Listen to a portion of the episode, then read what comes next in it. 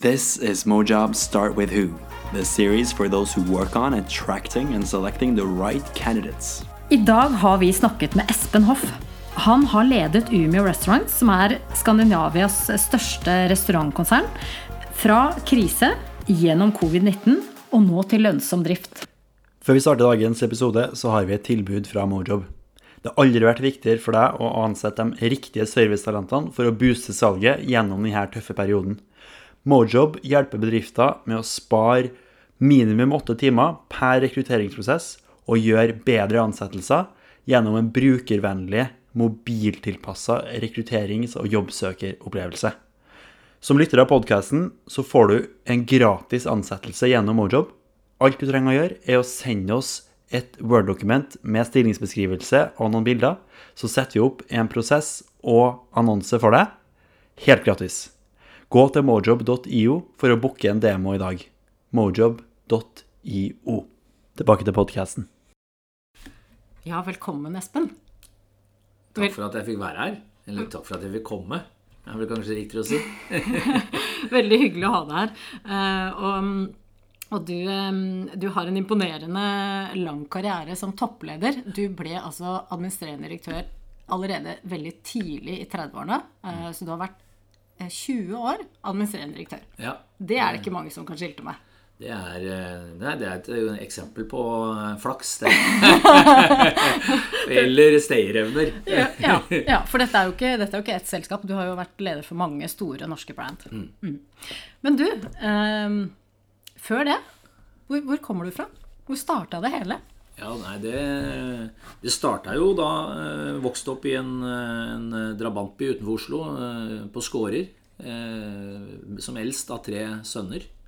Eh, mor hjemmeværende mens vi var små. Og eh, jeg håper å si et klassisk sosialdemokratisk hjem med den type verdier. Eh, så der, der starta det. Ja, så bra. I ei blokk med masse kompiser og masse liv og røre. Ja, Det høres fantastisk ut. Ja, det var, det var jo Det var jo et privilegium den gangen bare å få innlagt vann og, og, sånn, så nå høres jeg jo ut som jeg er 80 år. Nå, høres du litt eldre ut enn du er. Jeg var veldig liten den gangen. ja. så, men, men, det var jo Det var eh, hasjrøyking rundt Solheimsenteret, sniffing eh, av, av, lim. Ja. Eh, var vel det de brukte, de gutta. Eh, som eh, jeg syntes det var litt stas å henge med dem og kaste på stikka. Og, eh, det var litt mobbing på skolen i forhold til at jeg var Eh, tidlig skoleflink. Ja.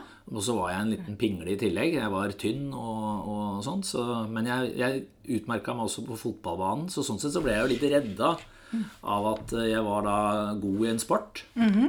Som var populært. Ja. Eh, eller som var en populær sport. Og det, så det redda deg litt også, mm. eh, i sånn sett. Men, men, jeg var jo da litt grann annerledes, da. Ja. Eh, I forhold til eh, at jeg syntes det var jævla moro å lære. Ja. Mm. Det var ikke like kult for sniffegjengen, eller? Ikke for de som syntes det var kulere å henge på Solheimsenteret. Ja. Eh, og noen av de i klassen min var jo også eh, gutter som havna der etter hvert. Mm. Så det var jo litt sånn som eh, drabantbyer flest, tenker jeg, på mm. 60- og 70-tallet. Det var ganske røft eh, mm. miljø. Mm. Eh, men samtidig så ville jeg jo aldri vært den oppveksten foruten. Nei. Du, jeg kan jo faktisk kjenne meg igjen i noe av det du sier, selv om det er relativt eh, røffe ytterkanter du beskriver. Men jeg, jeg har også vokst opp i drabantby på Oslo øst. Og, eh, og jeg syns jo at eh, det har vært en sånn veldig god asset å ha med seg inn i lederskapet. Fordi mm. man, man, blir kjent med så stor bredde av samfunnet, og det er jo ofte det man leder også. Hvordan, hvordan tenker du at det, denne bakgrunnen eh, har påvirket deg i din karriere og lederskap? Jeg tror nok at eh, det har Ja, naturligvis har det preget meg. Det er liksom en stor del av meg. Eh, det har gitt meg noe i forhold til verdier. Det med å se eh, mennesker. Det med å respektere alle typer mennesker. Ja.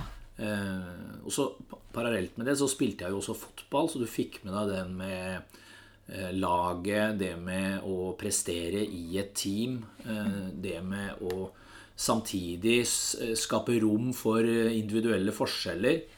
som, som, jeg har tatt med meg eh, videre. Det er jeg helt overbevist om. Ja, for etter, etter tiden på Lørenskog, eller Lørenskog, hvor, hvor brakte det deg dit? Hvor var det du tok din utdanning?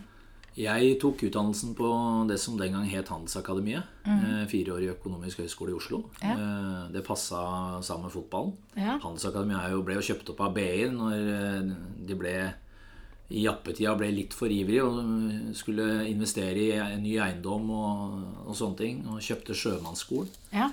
Eh, Og da ble det kjøpt opp av BI. Ja. Eh, Så det, men jeg gikk de fire åra mine gikk jeg på Majorstua, på Berle. eh, Eller gamle Berle skole, da. Ja. Hvor, Handelsakademiet lå. Ja.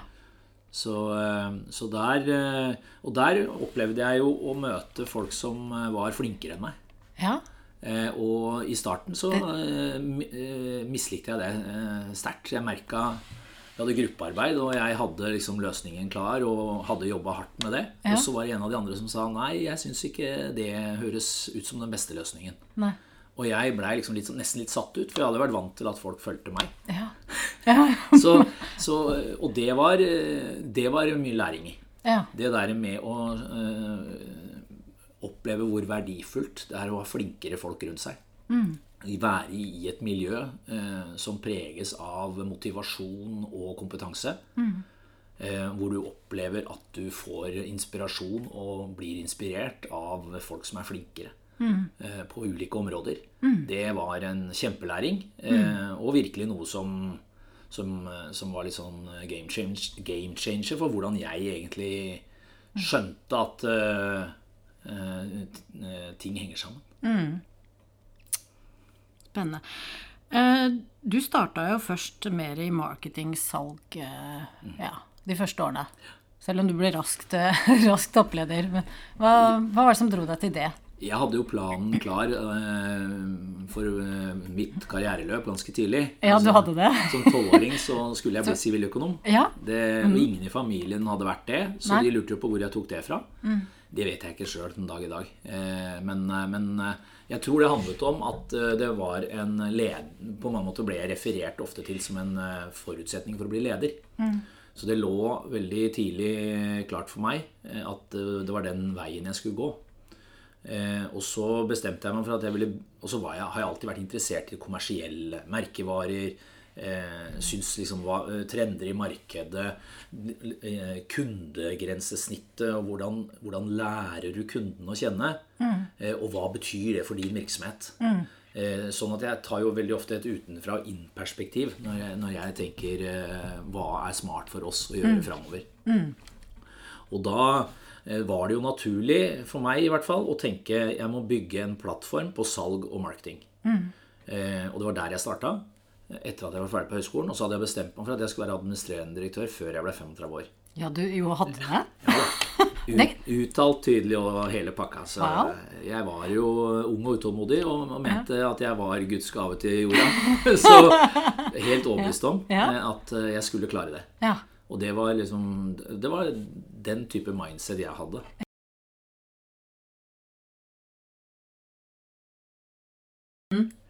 Ja og, så, og så ble du jo administrerende direktør, da. Ja, jeg ble Til det. du ble Innen du ble 35. Ja, jeg fyller, eh, fylte 35 år i januar, og i november så ble jeg administrerende i Egmont Entertainment. Ja, det var det. eh, Hvor jeg hadde jobbet innenfor salg og marked før det. da Ja, Så ja.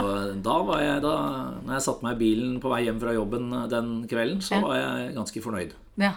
Du, og det høres ut som en veldig morsom jobb. Ja, det var Hva, det. hva var driverne for å lykkes der, da? Hva, hva, hva var liksom målene deres der?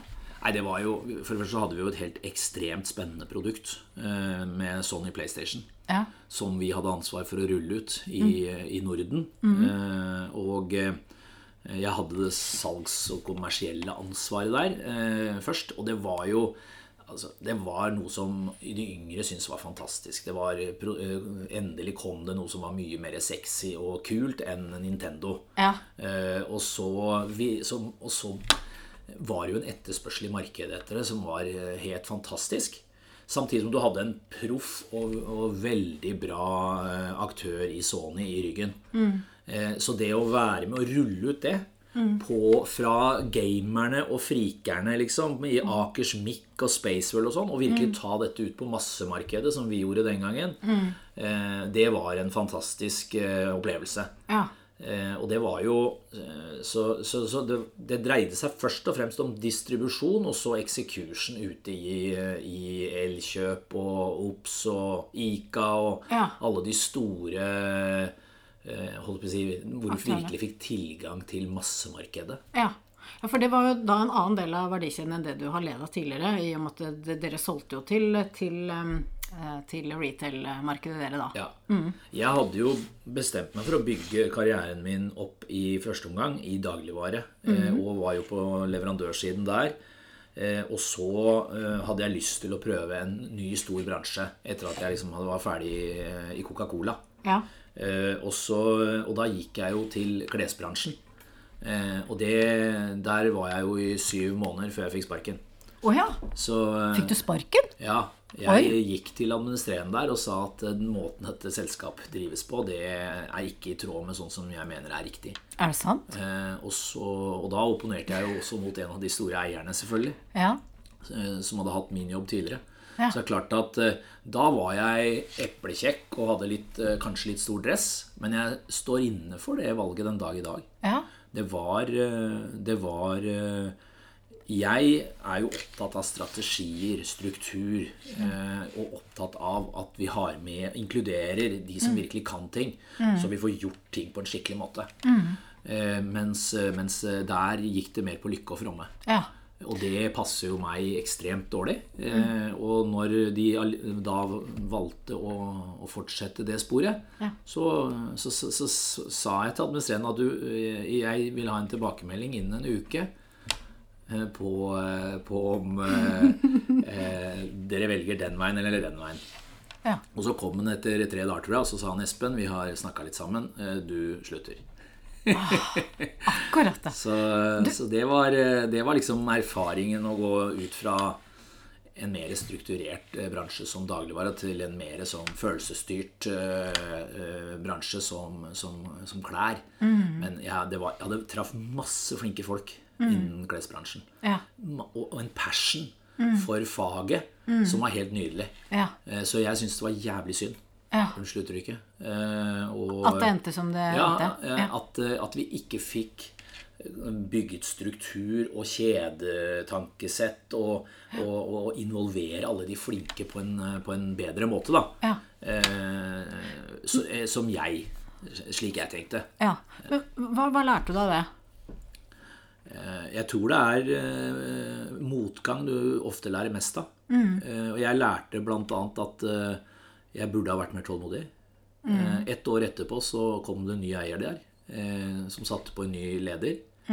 Han eh, ringte meg eh, og, og lurte på om jeg var interessert i å komme tilbake. Ja.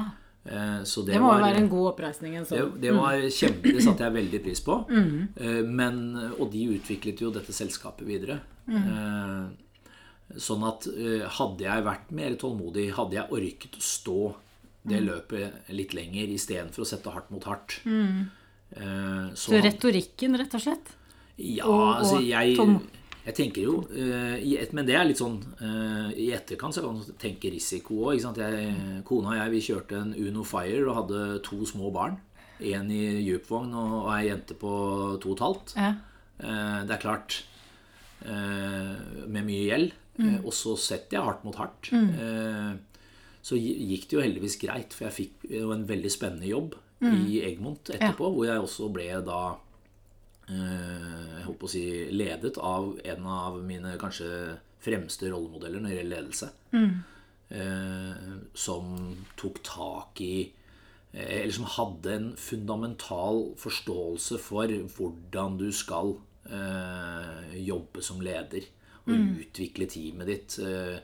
Eh, eh, hele, den, hele den biten der hvor jeg kom fra et mer sånn jeg, jeg hadde jo bygget opp et salgsapparat i Coca-Cola. eh, hadde, Det var ekstreme ambisjoner, det var dynamikk, og det var kanskje noe av det råeste jeg har vært med å bygge opp. Og, og Den tiden i Cola. i, i Cola. Mm. Men det er klart, den, den suksessen og det tunnelsynet der også, eh, som jeg lett får når jeg, når jeg får los, Det, det, det, det var det viktig at jeg kom under en litt mer moden leder som kunne sørge for at jeg kunne åpne opp eh, blikket mitt for mer nyanser.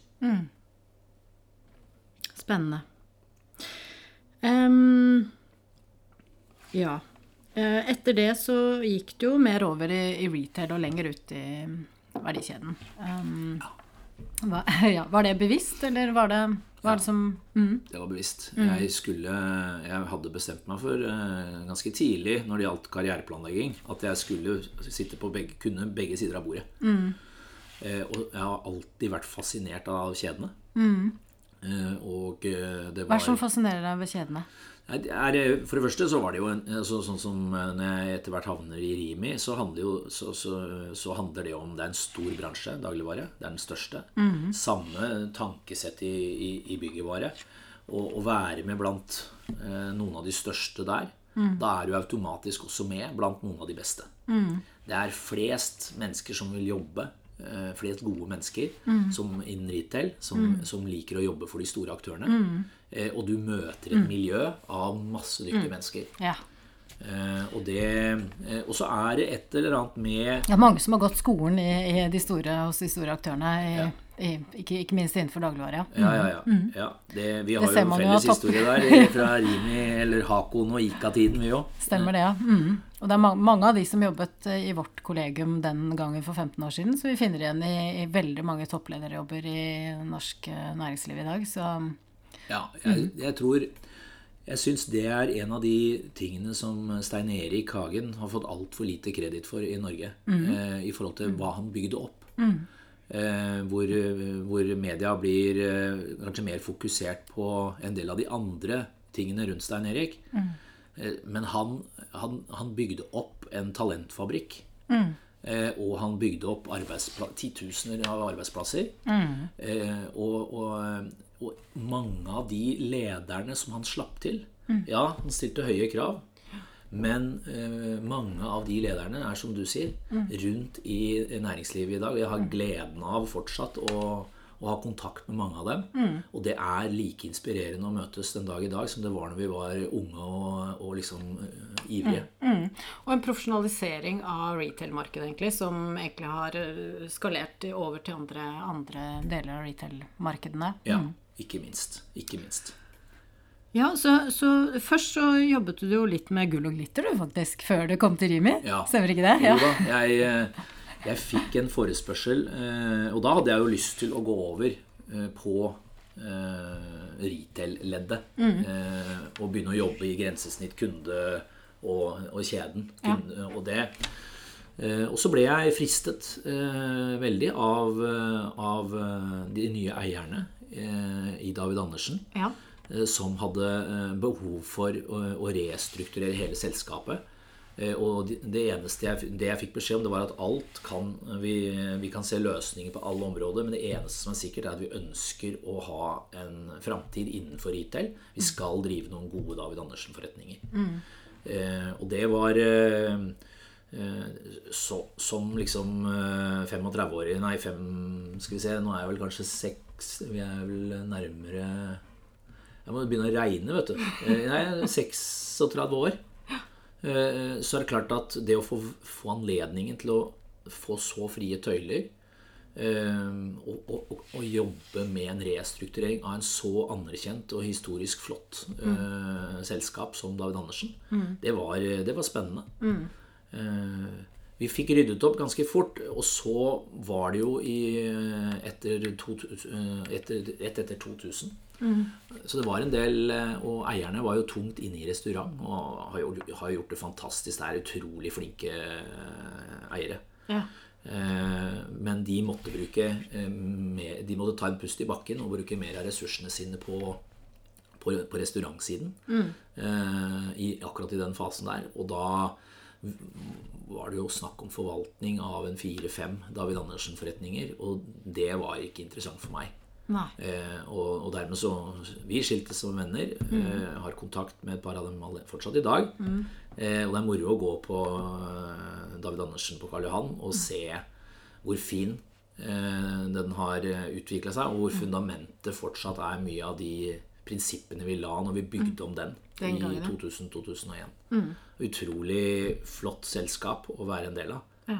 Eh, Men, men det ble for lite mm. i forhold til ambisjoner om å drive kjede. Ja. Som jo var det jeg ønsket å drive med. Ja.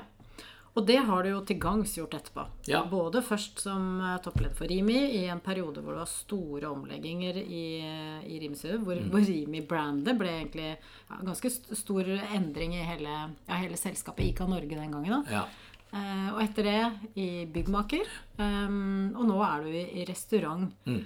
Hvis, hvis du skal si noe om Fordi um, Ja, hvis du skal si noe om om eh, tiden i Rimi og, og byggmaker. Hva har liksom vært de viktigste liksom, driverne for suksessene der?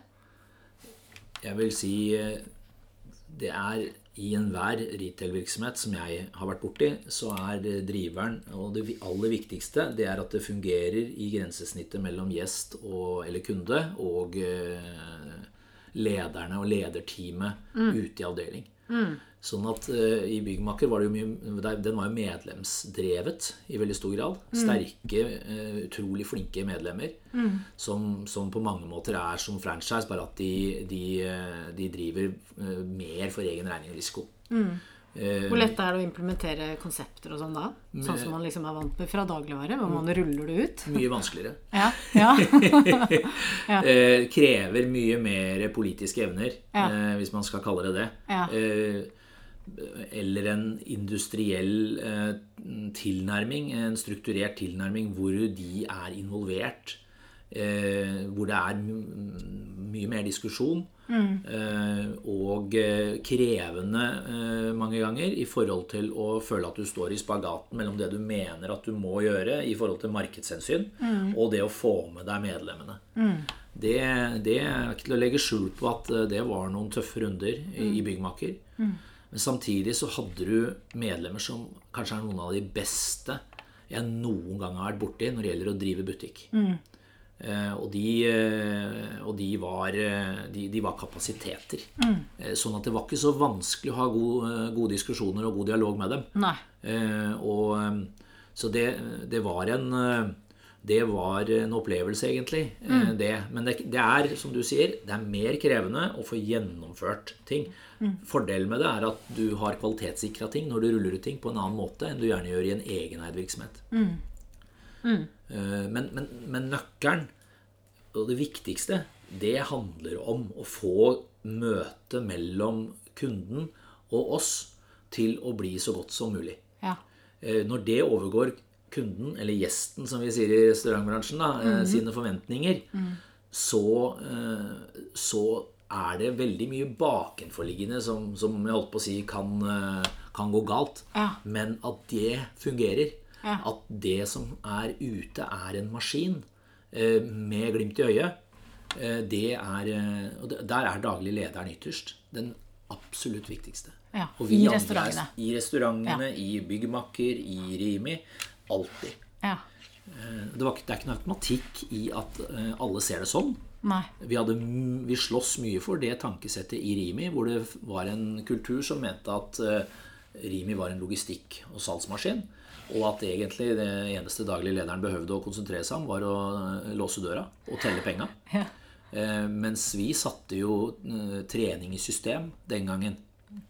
Og definerte det vi kalte for absolutt butikksjef Ja. som treningsprogram.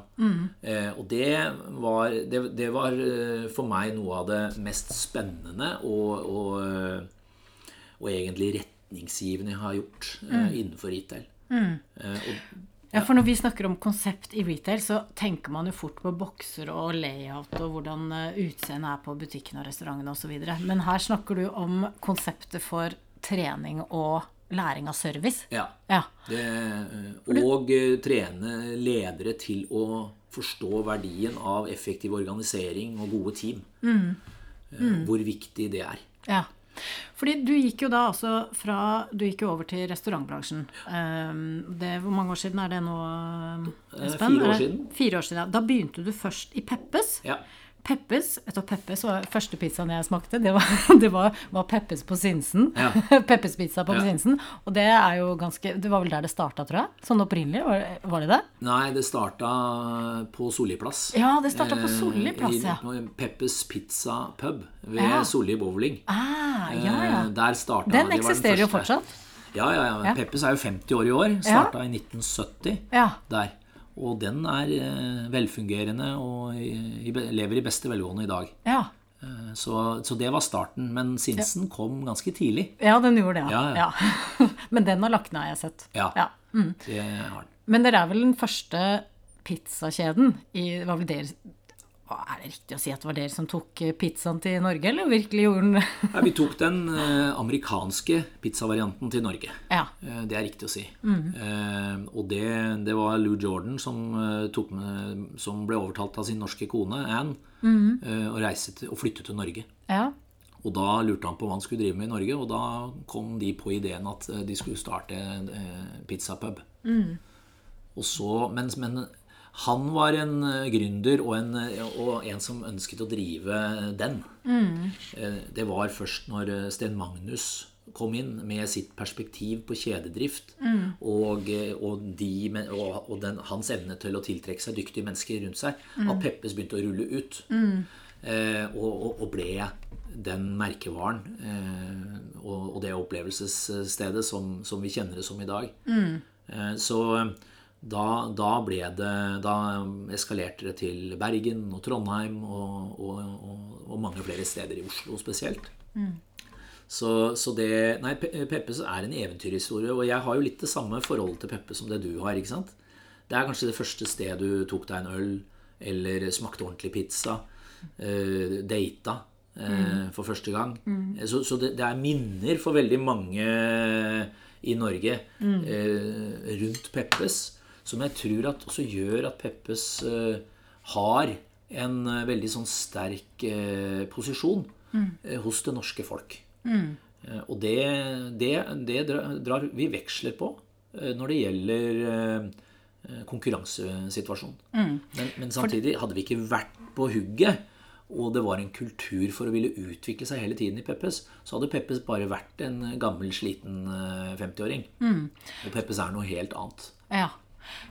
For når du kom inn, så var det også mange endringer på Peppes igjen, både konseptuelt og, og, og på andre måter, vel. Ja. Eh, For det er klart at pizzamarkedet er kjempestort. eh, Og pizzamarkedet er jo ikke bare amerikansk pizza, det er napolitansk pizza, italien, annen italiensk pizza. Det er, det, det, så pizza har jo blitt så vidt. Ja. Og eh, bare det siste året har det jo dukket opp en mengde nye konsepter. Og nå får man jo til og med pizza i gågata i Sandvika fra, fra, fra en robot på, på veldig kort tid. Ja. Eh, Så det er mange som ser liksom potensialet for eh, dette enorme pizzamarkedet. Eh, og mange nisjeaktører også eh, i dag. Jeg vil jo legge til at den, jeg, hørte du, jeg hørte du nevnte den, den, den originale pizzaen, Den er jo den amerikanske pizzaen. For, det, for den opprinnelige pizzaen den kommer vel fra Italia. Den kommer vel fra Napoli i Italia. Ja. Det vil jeg tro. Og jeg tror også det var eh, Uten at jeg kan den historien, så, er, helt, så er jeg rimelig sikker på at eh, når italienerne utvandra til USA, Ja. så startet de med pizza der. Ja. Så den har levd med italienerne i, i århundrer. Eh, men jeg, jeg, skal, jeg må ikke bli arrestert på eh, den, om det er en historieforfalskning, men, men jeg innbiller meg at eh, det har skjedd den veien. Og så ville amerikanerne ha litt mer topping. topping. De, de ville ha litt mer fyll på toppen. Ja.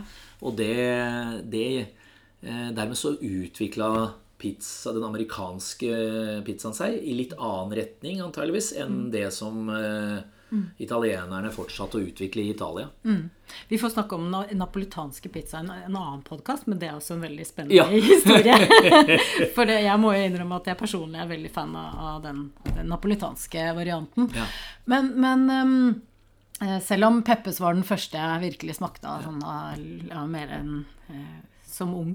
Ja. Eh, men når du kom til Peppe, som sagt, så hadde dere allerede ganske gode volum eh, i flere kanaler. Dere hadde jo vært lenge i, dagligvare osv. Men, men dere gjorde en eh, refresh av konseptene.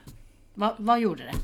Og hva var bakgrunnen for, for det dere gjorde da? Bakgrunnen, eh, bakgrunnen for at vi gjorde det vi gjorde i 2016, eh, det var egentlig et behov for å, eh, og, en, og en erkjennelse som, som, hadde skjedd før jeg begynte. Mm. Og det dreide seg om at Peppes var på vikende front. Vi hadde det, det, var, det, det, fantes noen oppfatninger som ikke var tufta på fakta i vår virksomhet. Eh, som at eh, pizzamarkedet var i fall. Mm. Eh, og eh, Peppes famlet etter sin eh, ja, sin, posisjon? Ja, sin posisjon. Mm. kanskje sin personlighet. Mm. Ønsket å gå vekk fra den klassiske Peppes og Eh, kopiere Olivia, som var, på, som var, en suksess på to steder i Oslo den gangen. Eh, og, og begynte å se liksom at er det bare italiensk pizza som kommer til å vinne framover. Mm. Så det var en søken egentlig etter en ny identitet. Mm. Og så valgte Peppes da samtidig å kjøpe, gjøre et fremstøt for å få kjøpt Doll Dimples. Mm. Og var jo enig med Norgesgruppen om det. Men eh, da, da, ble jo det ikke godkjent i Konkurransetilsynet, mm. som mente at Peppes hadde for sterk markedsposisjon. Mm. Og med da oppkjøp av Dolly så ville vi styre pizza eh, i Norge, og spesielt da prissetting opp mot konsument, som de er jo ekstremt opptatt av. Mm. Og det er det bra at de er opptatt av, men, men det, for meg så er det jo en, eh, en ekstremt vanskelig beslutning å forstå. Mm. Når Peppes med sine 80 eh, restauranter og Dolly med sine 40 eh, når eh, skulle plutselig bli eh, enerådende på det norske pizzamarkedet. Du, du, hvis du hadde fjernet Peppes og Dolly fra det norske markedet, så hadde jo fortsatt nordmenn kunnet kjøpe pizza i bøtter og lass. så, så liksom hvor de tar den type resonnement fra, Eh, det er klart, Det norske folk hadde jo eh, lidd og syntes det var kjempetrist eh, og, og sånn hvis, hvis, vi hadde vært borte fra markedet. Ja. For da hadde de jo mista gode pizzaer. Ja. Men, men, men, men, herregud, det fins Når vi gjorde en analyse, så tror jeg det fantes 2500 steder i Norge som, som, som selger pizza. Av restaurantbransjen mm. som selger pizza. Mm. Pluss da pizzaer på dagligvare og, og i convenience-markedet. Så, så, det er liksom eh, eh, det var, det var en kjempeskuffelse den gangen. Men samtidig så tror jeg at det var noe av det beste som kunne ha skjedd Peppes sett i ettertid. For Dolly hadde en del utfordringer, og da hadde vi måttet bruke et par år på å integrere det på en eller annen fornuftig måte. Mm. Og vi så jo senere eh, hvor krevende det ble for Domino mm. å skulle integrere Dolly. Mm. sånn at det at vi da kunne legge det til side og konsentrere oss om å ta nødvendige strategiske grep mm. i Peppes, det var viktig. Så da, da lanserte vi egentlig Egentlig så ga vi klar beskjed eh, internt at vi aksepterer Eller aksepterer blir feil å si. Men vi skal ikke bli noe annet enn det vi er. Peppes skal være pizzarestaurant. Peppes skal ta vare på røttene sine. Eh, vi skal eh, modernisere Peppes, men vi skal gjøre det tuftet på røttene, historien, verdigrunnlaget i Peppes. Mm. Menyen i Peppes skal eh, ta inn over seg nye trender. Vi skal være en pioner i pizzamarkedet, som er liksom visjonen til Peppes og har vært det i en årrekke. Så vi, vi lanserte jo eh, mye spennende eh, på menyen. Både i, i forhold til vegan og vegetar. Mm. I forhold til tynn bunn, som du snakker om. Eh, den napolitanske, hvor du nesten bare kan sitte og spise bunnen og, og litt deilig mozzarellaost, så, mm. så, har du liksom en, mm. en superenkel, men kjempe, et kjempedeilig måltid. Mm.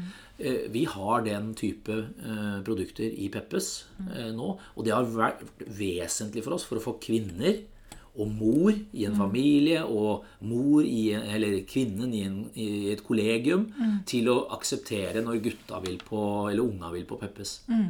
For da vet også hun eh, at eh, det fins alternativer som, som, hun kan eh, spise, og som smaker godt. Mm. Og det, det, er menyutviklingen er utrolig viktig. Eh, det at vi gjenbruker mye mer av det gamle istedenfor å rive ut alt for å bygge opp en ny restaurant når vi skal pusse opp, har vært utrolig viktig. Eh, Sånn rent konseptuelt i restaurantene. ja. Vi, tar på, gjort vi tar vare på mest mulig av det gamle. Vi bare vi, vi, eh, pusser det. eh, Men, men den retro Også koblet nok det litt sånn uh, timingmessig veldig bra med generelt ønske i samfunnet rundt uh, å ta vare på ting. Gjenbruke ting. Og at retro er kult. Eh, For, eh, men jeg tror det handler om å være trygg på at det, den identiteten du har, det du har bygget opp gjennom så mange år, eh, de, de verdiene du har skapt, det er godt nok. Ja. Skal du gjøre store endringer på et konsept, da bør du heller eh, kanskje tenke på å utvikle et annet brand, et annet konsept, som, som kan bygge sin identitet. Det, å, det å liksom bli en helt annen enn den du er, det fremstår for meg som ekstremt dyrt, ekstremt krevende og en, og en veldig, veldig spesiell vei å gå. Du snakket jo i stad om viktigheten av å trene folk. Hvordan, hvordan trente dere på det? Trengte dere da en refresh på hva identiteten var? Og du, du nevner verdier her. Hvordan, hvordan jobba dere med det i, i selskapet?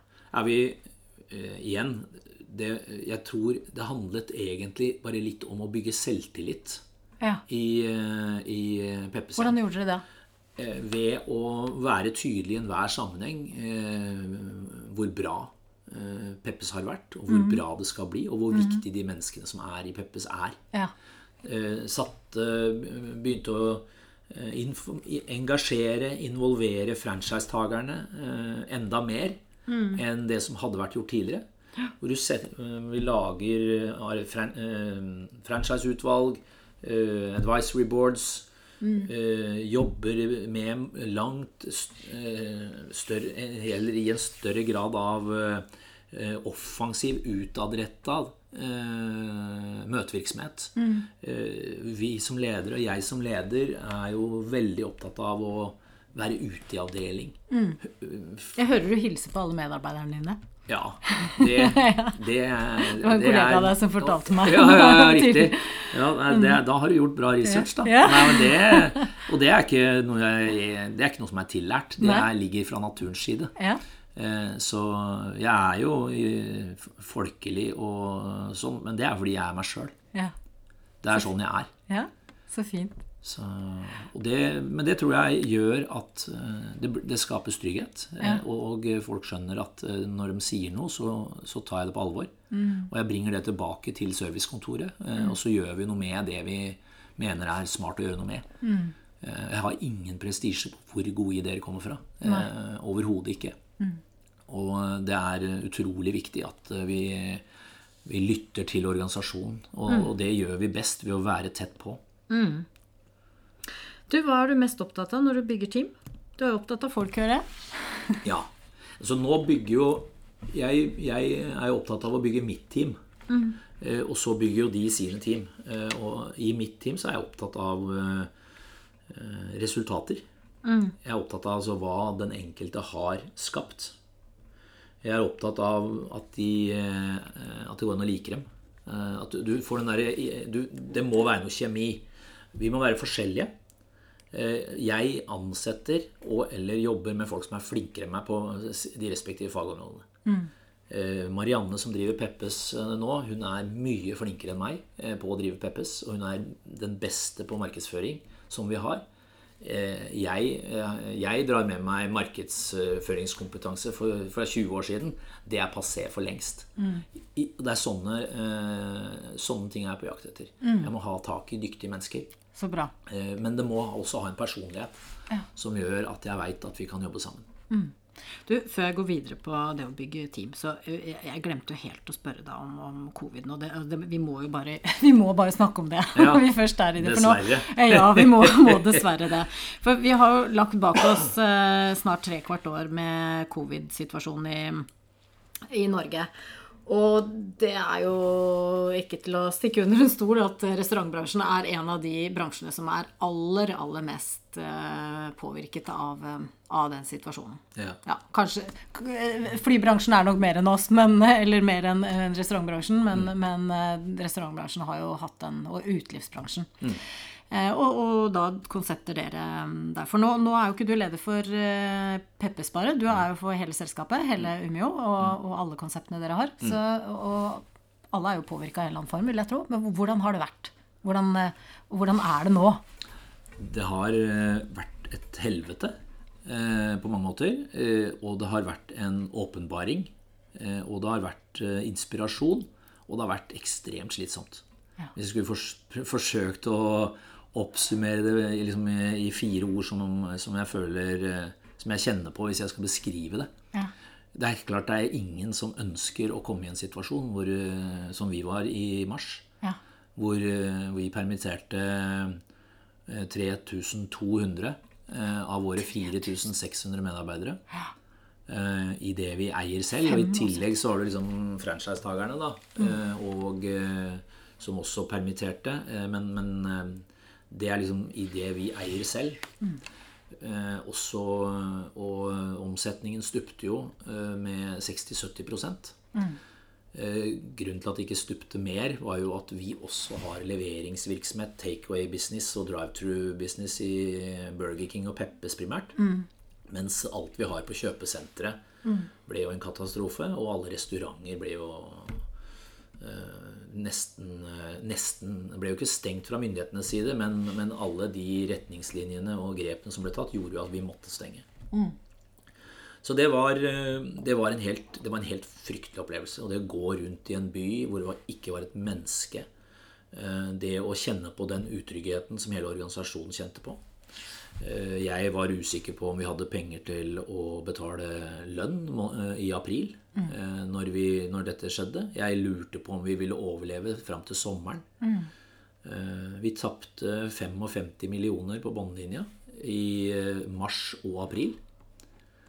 Som var, og så har vi Og så har du åpenbaringen og den fantastiske responsen som, som, som du fikk i organisasjonen. Mm. Hvor vi vi gjennomførte eh, og bygde nye tekniske løsninger for kontaktfri levering, for betaling på, på mobil.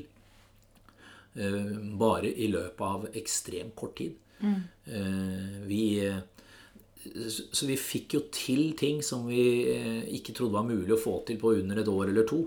I, en vanlig tid fikk vi til på 14 dager av tre uker. Mm. Eh, så det var jo en enorm dugnad. Mm. Eh, og, det, og, en innsatsvilje og et fokus på å få til ting som savner sidestykke. Mm. Eh, og det var det, det, gjorde sitt til at vi har tjent penger på båndlinja fra mai og fram til i dag. Ja. Eh, og, og Imponerende. Så raskt tilbake, altså. Ja. det er Det er utrolig morsomt. Mm. og inspirerende. Eh, og jeg opplever det ikke minst som en eh, seier for organisasjonen at vi, klart, at vi har klart å balansere kostnader og inntekter mm. så fort. Ja. Og fått til så mye på så kort tid. Ja, For omsetningen er vel lavere nå fortsatt? Ja, ja. Eller, eller kompenseres det for dagligvareøkninga som hos dere? Ja, det, det, kompenseres noe, men, men, det er bare kompensasjon. Fordi vi Selv om vi var jo i lykkerus i juli, for da mm. ferierte jo nordmenn hjemme og brukte våre mm. restauranter og, og, spisesteder på, overalt på en ja. fantastisk måte.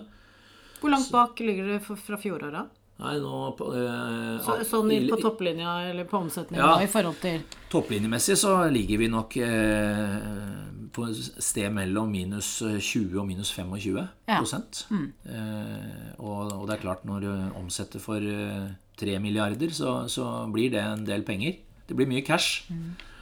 Så, så, så, det å få snudd et sånt skip såpass kjapt som vi mm. klarte, mm. det er jeg utrolig stolt over. Mm. Eh, jeg trodde jo at eh, å lede byggmakker gjennom finanskrisen skulle være det verste jeg hadde opplevd som leder. Ja. Men som sønnen min sier, 'Pappa, du, hvert sted du er, der blir det jo endringer'. og enten det er markedsstyrt eller, eller styrt av andre ja. årsaker, så, så, har den nok rett i det. Ja. men, det var, men både finanskrisen og denne pandemien har jo eh, vært, eh, vært tøft, men samtidig eh, utrolig lærerikt og inspirerende også på, hvis man kan bruke et sånt ord på noe som egentlig er så jævlig slitsomt. Ja. Um, men du, tilbake til team. Um, du har jo rekruttert mye gjennom årene, vil jeg tro. Ja. Ja. De siste årene mer, mer ledere. ja. Uh, hvis du beskriver deg sjøl fra en skala fra 1 til 10 på rekruttering, hvor god er du til å rekruttere? Jeg, jeg tror jeg nærmer meg en sjuer, jeg, da. Ja. Eh, kanskje. Ja. Jeg, jeg har jo ansatt feil selv eh, når jeg begynte å nærme meg 50, og da husker jeg jeg var skuffa av meg sjøl. ja. Jeg trodde jo jeg var mye bedre enn som så. ja. Men du, hva gjør du da? Hvis du skjønner at du har For det, man gjør jo det fra tid til annen. Ja, Men hva, hva, hva gjør du da? Nei, da, finner, da finner vi en god, god løsning gjennom å snakke sammen og bli enige om at dette var feil. Ja. Eh, Så heldigvis er det få av dem. Eh, Og det, være, det er absolutt ikke noe feil med menneskene eller Nei. personene eller de lederne. Det, det, er, det er bare at de ikke, at de ikke passet sammen eh, der og da. Ja. Eller at jeg ikke var grundig nok i å finne ut om det, denne personen var den rette for oss, eller hadde den kompetansen vi egentlig hadde behov for. ja. Men du, hvis du står mellom to kandidater som du opplever som ganske like Ganske lik CV og bakgrunn osv. Hva, hva, og ellers òg. Hva er det som gjør at du velger den ene fremfor den andre? Det er eh, nå, Når jeg rekrutterer nå, så gjør jeg det jo ofte også sammen med en eh, rekrutterer. Eh, Sånn at, og så sitter jeg igjen med gjerne to-tre kandidater som, som jeg vurderer. Eh, Og eh, da, da sitter du jo med veldig Alle tre er veldig gode kandidater. Eller begge to, for den saks skyld. Så, så hva som vipper det i favør av den ene, er ikke Ja, det er et veldig godt spørsmål. Eh, Jeg tror det, Da tror jeg det går på eh, en blanding av kjemi eh, hvor, og at jeg lurer på hvem av dem som vil passe best sammen med den eller de i ledergruppa som den skal jobbe mest sammen med. Eh, og så, og så, går det kanskje på den type følelser, magefølelse. Eh, Det er mange ting som sikkert spiller inn der, eh, som, som gjør at det tipper i favør av den andre. Men jeg prøver jo da å involvere andre i teamet. eh, Gjerne ha møte med begge kandidatene. Mm. Det syns jeg har vært, det har vært veldig nyttig. Mm. Og så lytter jeg selvfølgelig til referanser, og er opptatt av å prøve å identifisere eller komme under huden på, på, på kandidatene, da, Mm. som gjør at du lurer på hvordan de er når det blir motstand og det blåser. Mm. For det er gjerne da du ser karakteren Ja. til de du ønsker, den du ønsker å ansette. ja. Har du, har du erfart å gjøre litt mer intervjuer? eh, Altså, du, du var inne på at, vi, at det nok hos dere også har vært litt sånn distrupsjon i, i å ta i, i bruk teknologi når man har vært gjennom eh, covid-19 i, Ja. i Peppes og i Umio.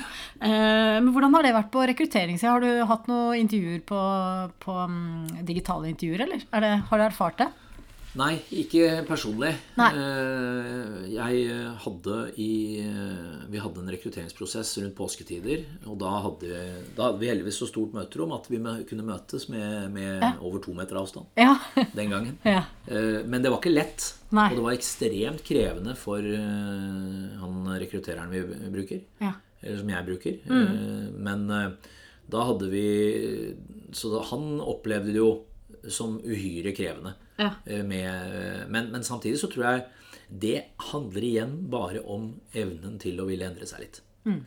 Fordi nå, når vi er blitt vant til Teams-møter, og vi er blitt vant til å bruke ma mange ulike digitale verktøy for å kommunisere, så merker du jo at vi blir mer vant til det, og det blir mer en naturlig del. Eh, og det, derfor så kommer det der, tror jeg, til å gå veldig fint. Ja. Eh, og sannsynligvis kanskje allerede går veldig fint. Eh, Jeg, jeg syns man kommer veldig tett på ja, når man er på en Teams-møte. Spesielt sånn én til én. Så, så Ja. det, det, ikke sant? Mm. Ja, ja, og vi har jo nå Når vi har møter nå, så ønsker vi jo allikevel, selv om noen av oss er på kontoret, Ja. så ønsker vi jo helst å sitte aleine. Fordi du, du kommer da tettere på i, når noen sitter. Ja. En sitter i Sverige, og en sitter i Bergen, og to i Oslo, og tre på Lysaker. Mm. Ja. Så setter vi tre oss på Lysaker i eh, separate rom. Ja. Fordi det er, som du sier, det er en eller annen eh, Du får en annen konsentrasjon. Du, får, du, du ser kroppsspråket mye bedre enn å prøve å se Teams-møte gjennom en, en TV-skjerm hvor det sitter fire stykker rundt et bord. Så, så, så jeg, jeg er enig med deg at det, den må, det gir en nærhet, det som, som Det er mye bedre enn ikke å møtes, i hvert fall. Ja, mm, ikke sant. Ja, ja nei, jeg jeg er blitt glad i det. Du, hva er du mest stolt av i denne lange lederkarrieren din? Jeg håper egentlig at jeg skal være mest stolt av noe som ligger foran meg. Ja, men så bra. Det sånn sett. eh, Selv om jeg har hatt mange Du, du, du gir deg ikke ennå, hører jeg. Nei, nei jeg, jeg gjør ikke det, altså. Nei, så fint. Hvis du hadde vært 28 år i dag, da, hva ville du gitt deg selv som råd? Ja, jeg ville nok eh, gitt meg selv som råd at jeg burde ha vært litt mer tålmodig. Men allikevel på hugget. Altså funnet, jobbe med den eh, balansen der. Eh, Jeg ville eh, reflektert litt mer før jeg eh, er mm, pushy, eh, krevende, veldig på. Mm. Det er, det er noen ting. Jeg tror også jeg ville ha sagt at Eller utfordra meg sjøl i forhold til hva er det som gjør at du klarer å bryte mønster. Som gjør at du kan koble av, unngå å, å få tunnelsyn eh, og bare bli resultatorientert og, og liksom eh, det er alt som betyr noe her på jord. Um, er det noen arenaer som jeg burde vært litt mer nysgjerrig på? Eh, som, hvor jeg kunne ha liksom senka skuldra og slappet av litt, og ikke tenkt jobb. Eh, fordi det er et eller annet med at eh, når du er 28 år, så, så, så skal du helst levere perfekt eh, hvert sekund av døgnet. Og, eh, og sånn er ikke livet. Og sånn er ingen mennesker som er heller. Men det å akseptere det mm. og erkjenne at det er faktisk tilfellet at du klarer ikke å forberede deg for alle mulige scenarioer. Du må rett og slett bare, bare prøve å være deg sjøl noen ganger og akseptere at noen ganger går det til ad undas. Eh, og det er helt greit. Det tror jeg jeg ville sagt. Eh, og så ville jeg brukt litt mer tid på å eh, se andre mennesker. Eh, være mer nysgjerrig på hva som motiverer andre. Eh, og det er nok eh, noe av det som har vært en lengre læringsreise for meg. Eh, og som, som jeg håper at jeg hadde fortalt eh, han 28-åringen. Jeg forteller han 55-åringen det hver dag. At eh, han fortsatt må jobbe med disse samme tingene. Så, så, så jeg mener jo bestemt at det, dette handler jo om livslang læring. Uansett. Så, så men, men jeg hadde nok vært en litt klokere og litt mer reflektert og litt mer teamorientert 28-åring eh, hvis jeg hadde tatt med meg meg selv fra i dag og, og blitt en yngre utgave av meg sjøl. Takk skal du ha, Espen. Takk for at jeg fikk komme. Håper du lærte noe fra episoden der. Vi har laga en e-bok som gir deg de syv stegene du alltid må gjennomføre for å gjøre en god ansettelse.